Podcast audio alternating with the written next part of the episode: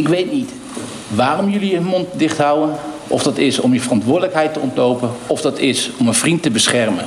Of dat dat nou is omdat je bang bent om voor een verrader te worden uitgemaakt. Wat mij betreft, de komende dagen, inhoudelijke behandeling, zijn er voor jullie voor om verantwoordelijkheid af te gaan leggen. En doe dat ook. Wees een vent en vertel nou gewoon echt wat er gebeurd is.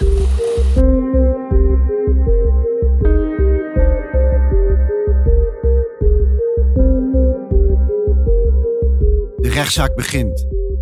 Een megazaak waarin elf zittingsdagen negen verdachten zullen verschijnen in de rechtbank van Lelystad. Een klein betonnen gebouw dat Schiphol naast het station bevindt.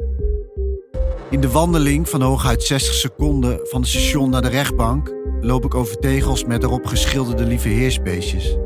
Het symbool tegen zinloos geweld.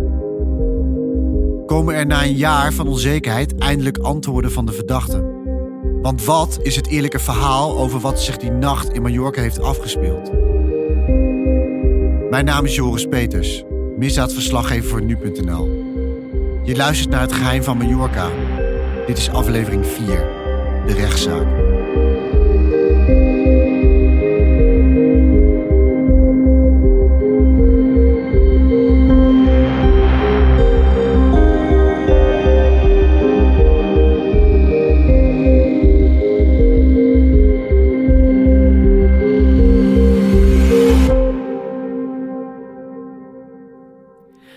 Eigenlijk in, in, juridische termen is het een megazaak als die meer dan vier dagen duurt. Nou, we zijn nu al aan dag zeven of acht toe, dus uh, dit is een megazaak. Maar het is ook een megazaak omdat er zoveel verdachten zijn. Als je werk zich grotendeels afspeelt in de rechtbank, kan je niet om maar heen. Saskia Belleman is Nederlandse bekendste rechtbankverslaggever en doet van vele zaken live verslag via Twitter. Ik ben uh, Saskia Belleman. Ik ben uh, rechtbank en juridisch verslaggever van de Telegraaf. En ja, bivakkeer eigenlijk uh, vier tot vijf dagen per week in rechtbanken in het land om daar zaken te volgen. Saskia is net als ik aanwezig bij de vele zittingsdagen in dit proces. Ik heb met haar afgesproken omdat ik benieuwd ben hoe zij tegen deze zaak aankijkt. Ziet zij dingen die ik niet zie of juist andersom? Het gaat om negen jongens en daar zitten ook negen advocaten bij. Uh, dan heb je nog slachtoffers en nabestaanden die ook worden vertegenwoordigd door advocaten. Er zijn heel erg veel journalisten die op de zaak afkomen.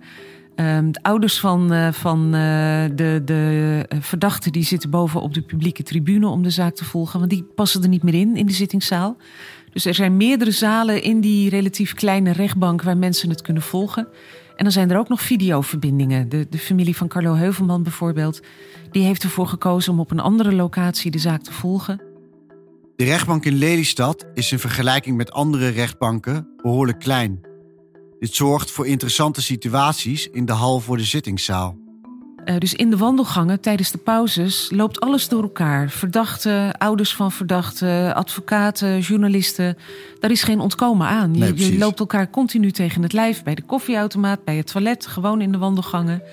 Uh, ja, dus nee, ja, Want, want misschien beseffen mensen dat niet altijd. Maar de, verdacht, de verdachten zijn natuurlijk op vrije voeten. Ja. En dan is ieder gelijk. En dan staan we Ja. dus met z'n allen op de gang. uh, Bij de koffieautomaat Ja, precies. bijvoorbeeld. Ja, exact. Ja, daar, is, eh, ja daar, daar staan we gewoon met z'n allen ook te praten in die wandelgangen. Want ja, waarom zou je niet? Ja. Maar ik geloof dat dat voor de familie Heuvelman te confronterend was. Eh, en die hebben ervoor gekozen om niet die verdachte tegen het lijf te hoeven lopen. Dat gezegd zijnde, eh, heet ik iedereen welkom eh, in deze zaal eh, en ook in de andere zalen. Eh, er zijn eerdere zittingen geweest in deze zaak, eh, volgens mij nog niet waar zoveel verdachten aanwezig waren. Eh, in ieder geval is vandaag het begin van de inhoudelijke behandeling. Op de eerste zittingsdag wordt duidelijk waarom we hier zijn.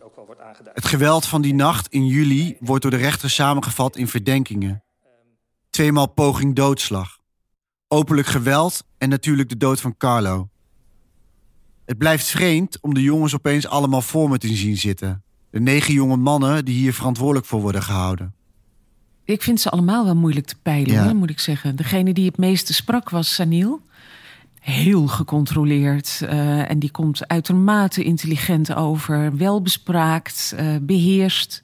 Het was top. Het was fantastisch. We hadden, we hadden een vakantie van, van, waar we van wilden dromen.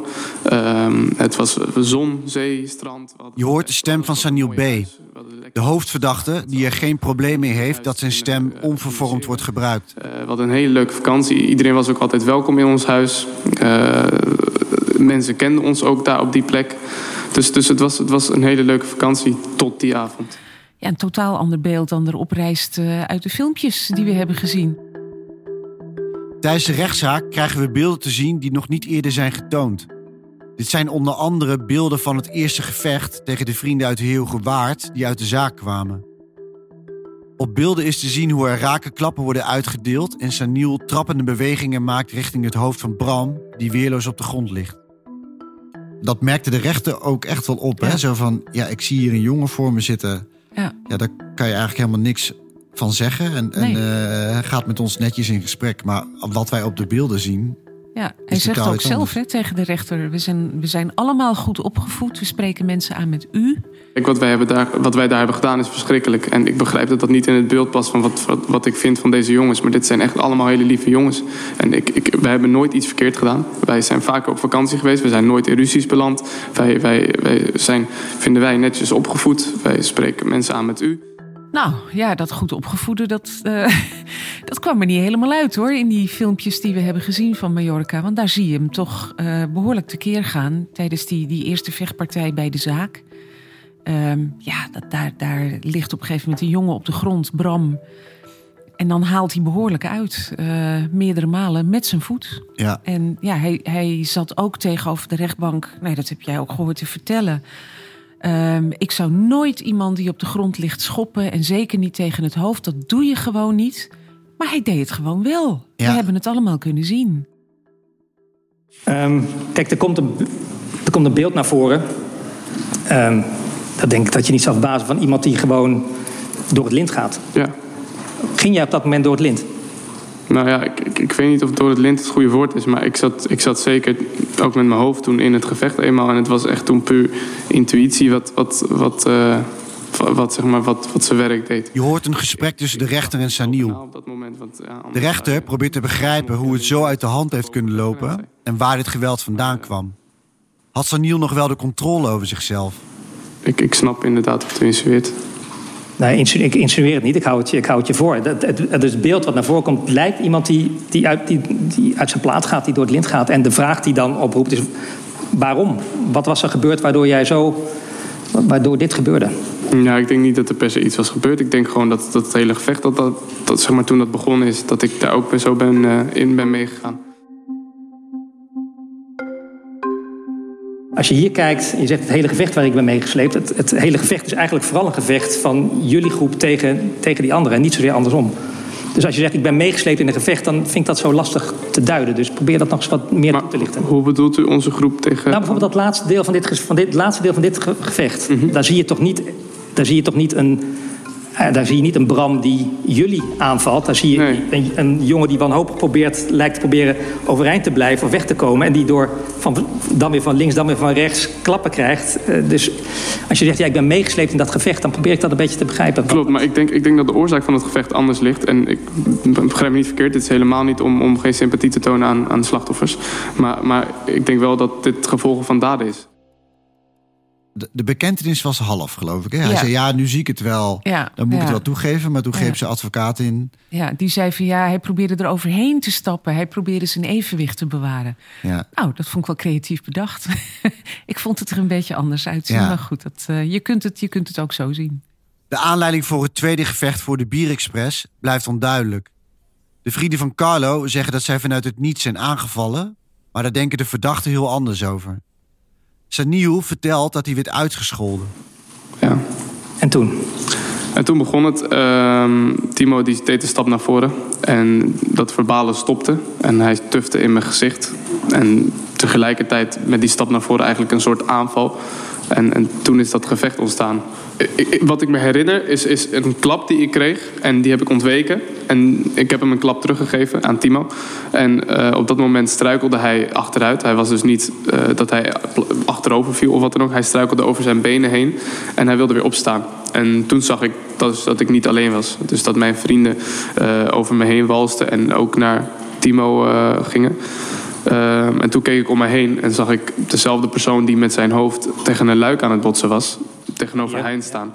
Daar had hij ook een heel verhaal bij. Dat die, die man ontzettend agressief was en met zijn hoofd liep te beuken tegen ja, ramen of panelen of zo. Dat hij daar een Klopt, beetje ja, bang tegen de voor was. van de Bier Express, geloof ik. Ja, en dat hij Ja. eigenlijk gewoon bang was voor die man. En ja, dat, dat zou dan een reden zijn om hem uit te schakelen en, en tegen de grond te slaan. Wat heb je toen gedaan met Gavier?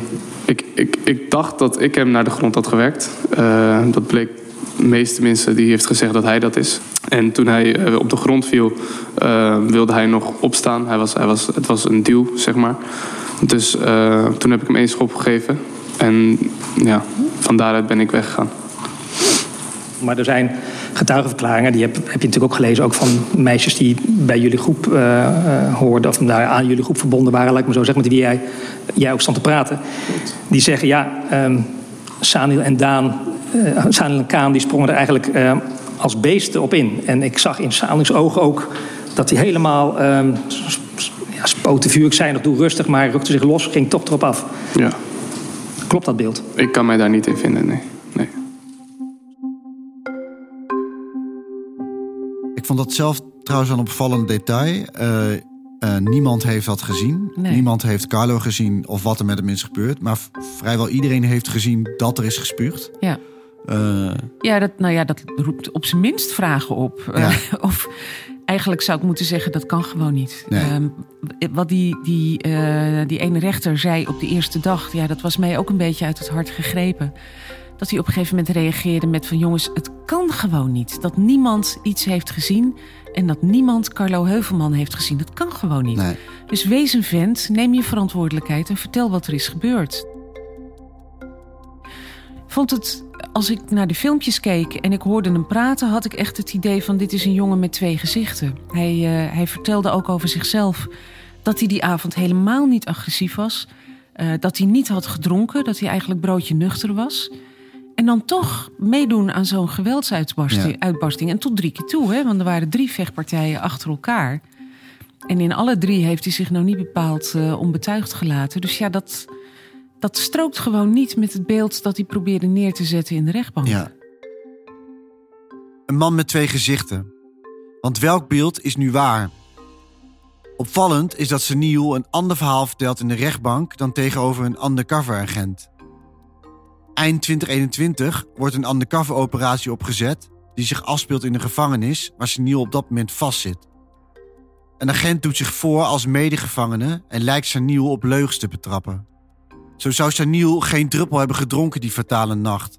Maar als de undercover-agent aan vraagt of ze dronken waren, antwoordt hij: Ja, maar ik heb tegen ze gezegd: Ik was nuchter. En als hem wordt gevraagd naar het geweld die nacht: Ik heb mensen gekikt. Ik schopte iedereen in elkaar, dat is waar. In de hal van de rechtbank oogt hij in ieder geval kalm en zelfverzekerd. Dat geldt niet voor alle medeverdachten. Uh, ja, ik denk dat de anderen die straalden veel meer nervositeit uit. Die waren gespannen. Uh, er waren er ook wel een paar hè, die dat ook zeiden. Van ja, er is zoveel over ons geschreven, zoveel gezegd. En uh, ik, ik zag er ook wel heel erg tegenop vandaag. En iedereen wist natuurlijk dat er ook heel veel pers zou zijn.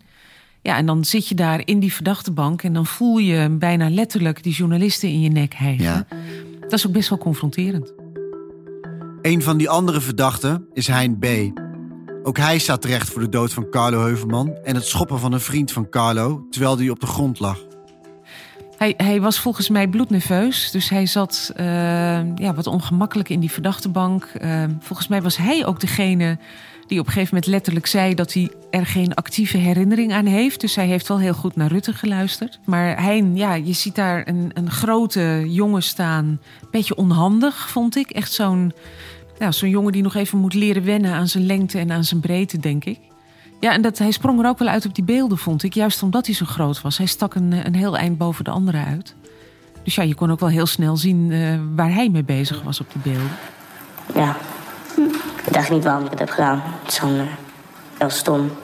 Het stomste wat ik heb gedaan in mijn leven. Dus, uh... Als hij wordt gevraagd naar zijn reden voor het geweld tegen de man die op de grond ligt, wijst hij op het gevaar dat hij zag. Momenten later is Gabier definitief knock-out. Ik denk dat het toch, dat, ik weet niet waarom ik het heb gedaan, maar ik denk dat het toch dat het een soort van combinatie van angst is. Angst en? Ja, angst en verkeerde keuzes maken. Maar die jongen ligt al op de grond. Ja, dat klopt. En waar ben je dan nog bang voor? Ja, dat hij misschien op gaat staan. En dat hij, hij was gewoon, kwam best wel agressief over, dat hij misschien mij heel hard zou slaan. Of... Maar hij ligt op de grond, je, sta, je, je staat op een afstand van hem, dan kan je toch gewoon weglopen als je zo bang bent? Ja, dat gekund.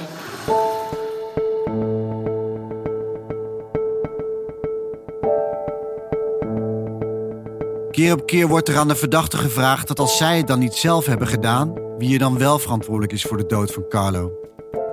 Hein zegt wel een idee te hebben, maar bewijzen kan hij het niet. Maar jij zegt dus, ik heb voor mezelf wel een, ik heb voor mezelf wel een, een, een sterk idee wie het, wie het wel is geweest, of wie het wel zijn geweest. Ja. Zijn het meer mensen of is dat één iemand geweest? Uh, meerdere mensen. Meerdere mensen. Ja. En wil je, wil je vertellen wie dat dan voor jou zijn geweest? Nou, dat wil ik best vertellen, maar dat, uh, ja, ik denk dat we daar heel veel mee opschieten. Nou ja, nou, ik, ben, ik ben er wel nieuwsgierig naar. Nou, ik denk dat meesters er nu wel meer mee te maken hebben, maar dat is puur op basis van karakter. En ik kan dat ook niet bewijzen of zo. Ik, kan, ik heb er niks aan. Maar nee, jullie ook niet. Mees T., de laatste van de drie hoofdverdachten. Er zijn meer vingers die wijzen naar de 19-jarige jongen uit Hilversum... en dat lijkt ook een gevolg te zijn van zijn karakter. Typerend is dat hij de hoofdrol speelt bij de opening van de allereerste zittingsdag. Mees blijkt tegen de afspraken in drugs te hebben gebruikt... en is ondanks een negatief advies toch op vakantie gegaan. Hij wordt weer vastgezet. Zou je kunnen zeggen dat dit hem nou typeert? Of... Ja, volgens mij wel. Ja, want dat bleek eigenlijk ook wel uit uh, de resultaten van het onderzoek naar zijn geestvermogens. Er komt een beeld uit naar voren van een jongen die zijn emoties gewoon niet helemaal onder controle heeft. Af en toe ook agressief uit de hoek kan komen. En ja, die in alle opzichten een probleem heeft met agressieregulatie. En misschien ook wel met zich realiseren wat, hij, uh, wat voor indruk hij geeft door uh, de manier waarop hij, waarop hij optreedt. Dus ja. ja, als je dan dat soort voorwaarden krijgt en je weet in wat voor zaak je een verdachte bent, een hoofdverdachte zelfs, een van de hoofdverdachten. En je doet dan net alsof het je niet kan schelen, want dat is natuurlijk de indruk die het geeft. Dan moet je niet raar opkijken als daarop wordt gereageerd. Maar nee. dat is, ja, past wel bij Mees T, vond ik, toen we in de loop van de zaak meer hoorden over hoe hij in elkaar steekt. Ja, ik ben wel echt een mannetje, ja, zeg maar. Uh, mijn prioriteit was om ervoor te zorgen dat, zeg maar... mijn vrienden in ieder geval gewoon veilig waren en dat daar niks aan de hand was. En misschien ook wel enigszins van, nou, misschien komt er een klein conflict... en dat het ook ergens van ja, gaaf zou kunnen zijn of zo. Ja, want hij heeft dus later ook nog een, uh, in, een, in een rapport volgens mij gezegd... over het eerste gevecht, dat het de, de mooiste drie klappen waren die ja. hij had gegeven... of de beste drie klappen, ja. of... Ja, ja, de mooiste drie klappen mooiste volgens drie mij die hij ooit had uitgedeeld. Ja. Ja, ja, daar heeft hij echt over lopen opscheppen. En dat, uh, ja, dat tekent wel een beetje de figuur Mees, vond ik. Dat, Ja, uh, want- Het is toch een ander type dan sommige andere verdachten. Op dat moment um, merkte ik ook um, om me heen dat de spanning grimmiger werd. En toen koos ik ervoor om um, die jongen ja, gewoon te slaan. En uh, achteraf echt, ja, veel te hard en het slaat nergens op. Maar toen heb ik hem drie keer geslagen. Uh, eerste keer niet zo hard en daarna ook wel hard op zijn neus. Kun jij een beetje boksen? Um, nou, ja, ik heb vroeger wel een beetje gebokst. Maar dat is heel anders dan vechten, kan ik je zeggen. Ja. Dat zijn twee dingen apart. Nee, dat, dat geloof ik wel hoor. Maar ik, het viel me op als je dan zegt, hè, ik geef iemand eerst een jab ja. met links... en je geeft hem dan op een gegeven moment, kom je er met rechts overheen. Dan denk ik, dat klinkt wel... Ja, dat klinkt wel... Ik snap wat u bedoelt. Um, ja. Eh, eh, Op een of andere manier vind ik hem wel, en dat klinkt misschien raar, vind ik hem daar wel eerlijker in. Hij, oké, okay, het is niet. Uh, hij zegt niet alles in de rechtbank, maar dit heeft hij bijvoorbeeld mij tegen een deskundige gezegd. Ja. Uh, waarvan hij dus wist dat in een rapport kwam. Dus er zit een bepaalde naïviteit in. Heeft dit nou ja. niet, alsof hij niet door heeft of zo wat hij. Nou ja, dat is ook de vraag. Hè? Is hij nou eerlijk of heeft hij het niet door en is hij naïef? Ik neig een beetje naar het laatste. Dat hij zich eigenlijk niet precies heeft gerealiseerd op wat voor manier dat ook kan worden gezien door de rechtbank.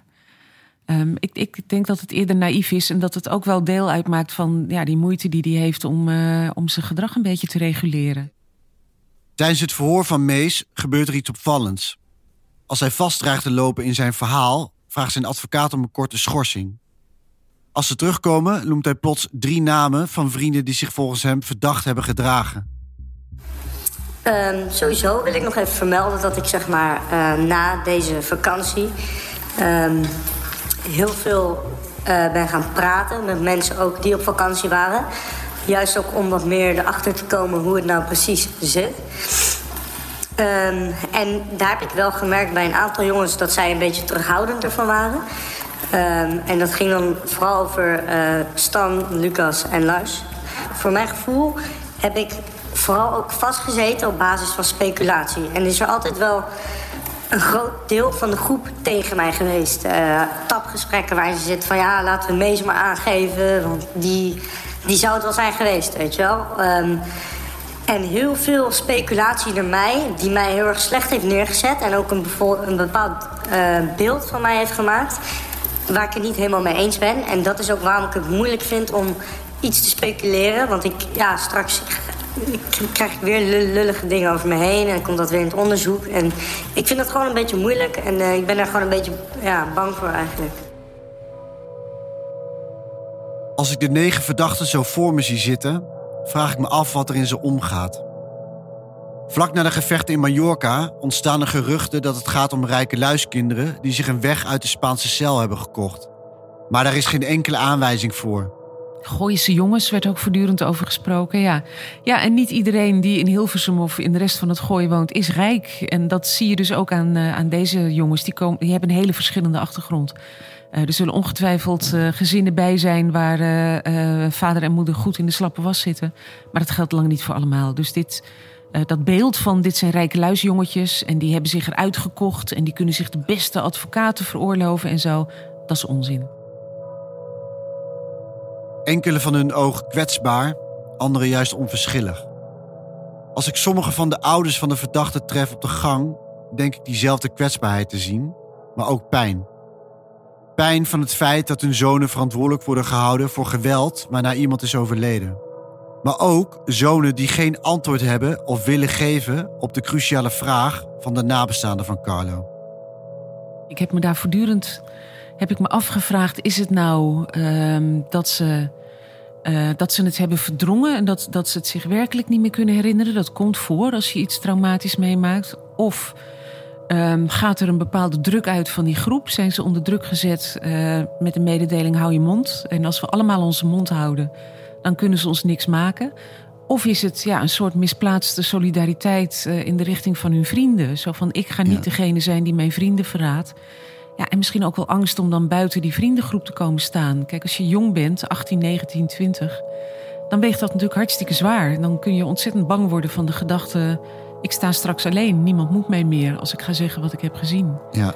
Dus ja, het, het kan alle drie zijn, uh, maar het kan niet zo zijn dat niemand iets heeft gezien. Dat kan gewoon niet. Maar ja, ik, ik denk niet dat, uh, dat al die jongens slecht zijn. Ik denk wel dat er een bepaalde groepsdynamiek heeft gespeeld. Uh, en dat daarnaast alcohol in het spel is geweest, waardoor alle remmen losgingen. Heb je Carlo op de grond zien liggen? Nee. Dat justitie de overtuiging heeft dat de antwoorden te vinden zijn bij de verdachte, komt tot uiting bij het verhoor van Martijn. De frustratie is voelbaar bij de officier van justitie. Heb jij gezien wie geweld tegen Carlo heeft gebruikt? Heb ik niet gezien. Kun jij de ouders van Carlo recht in de ogen aankijken en zeggen dat je al deze vragen met eerlijkheid hebt beantwoord?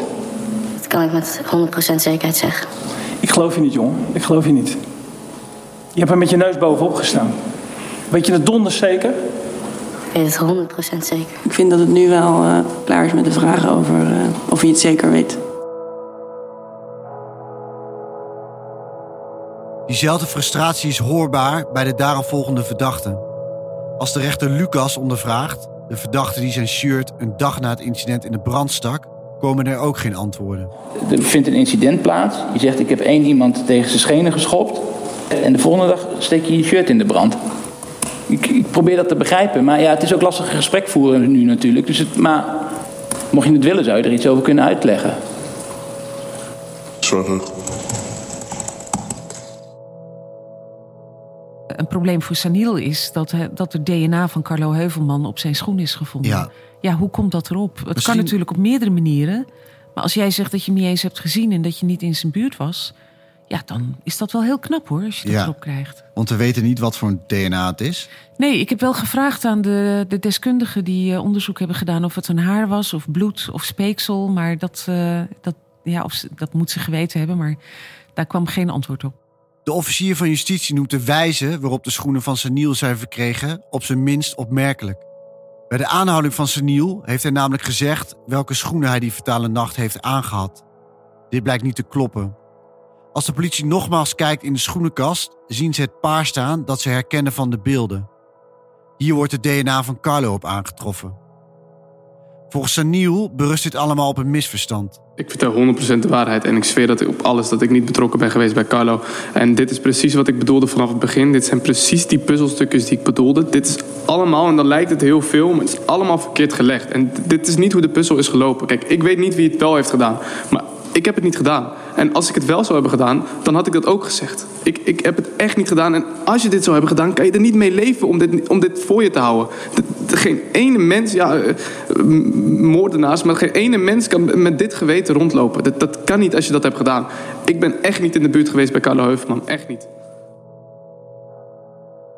Kijk, ze, ze vormen nu een beetje een gesloten front. Maar stel nou dat er straks wel mensen worden veroordeeld voor dingen die ze echt niet hebben gedaan.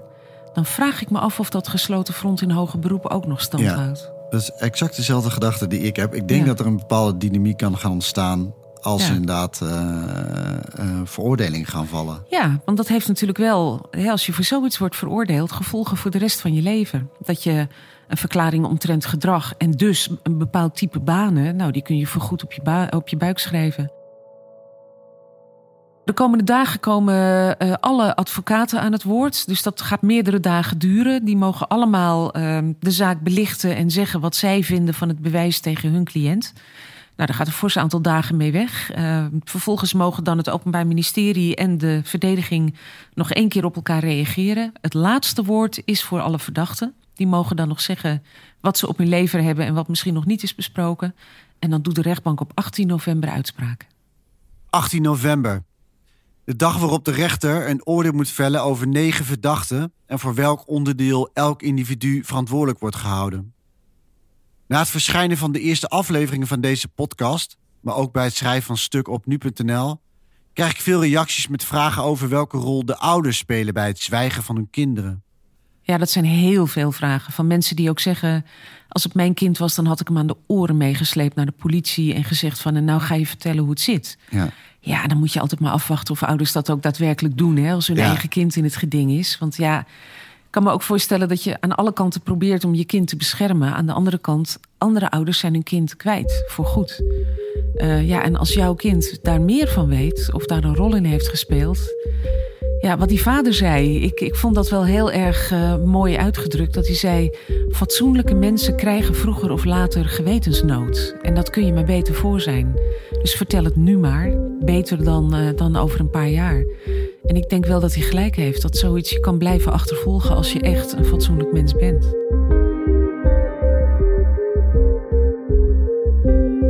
De volgende aflevering van Het Geheim van Mallorca vragen wij het OM naar hoe moeilijk het onderzoek is verlopen en hoe ze komen tot de strafeis tegen de verdachten. Er zijn telefoons afgeluisterd om te horen of er met elkaar gepraat werd. Vervolgens is er ook nog een politieinformant ingezet om te praten met een van de eh, ja, hoofdverdachten, zullen we het maar noemen. En we spreken Peter Plasman, de advocaat van de verdachte die de hoogste gevangenisstraf tegen zich hoort eisen. Uh, hier is echt een val opgezet voor, uh, voor Saniel.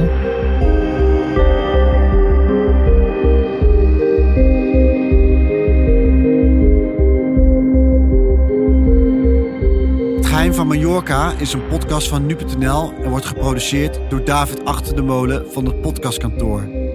Presentatie van de podcast en het onderzoek naar de dood van Carlo Heuvelman wordt gedaan door mij, Joris Peters.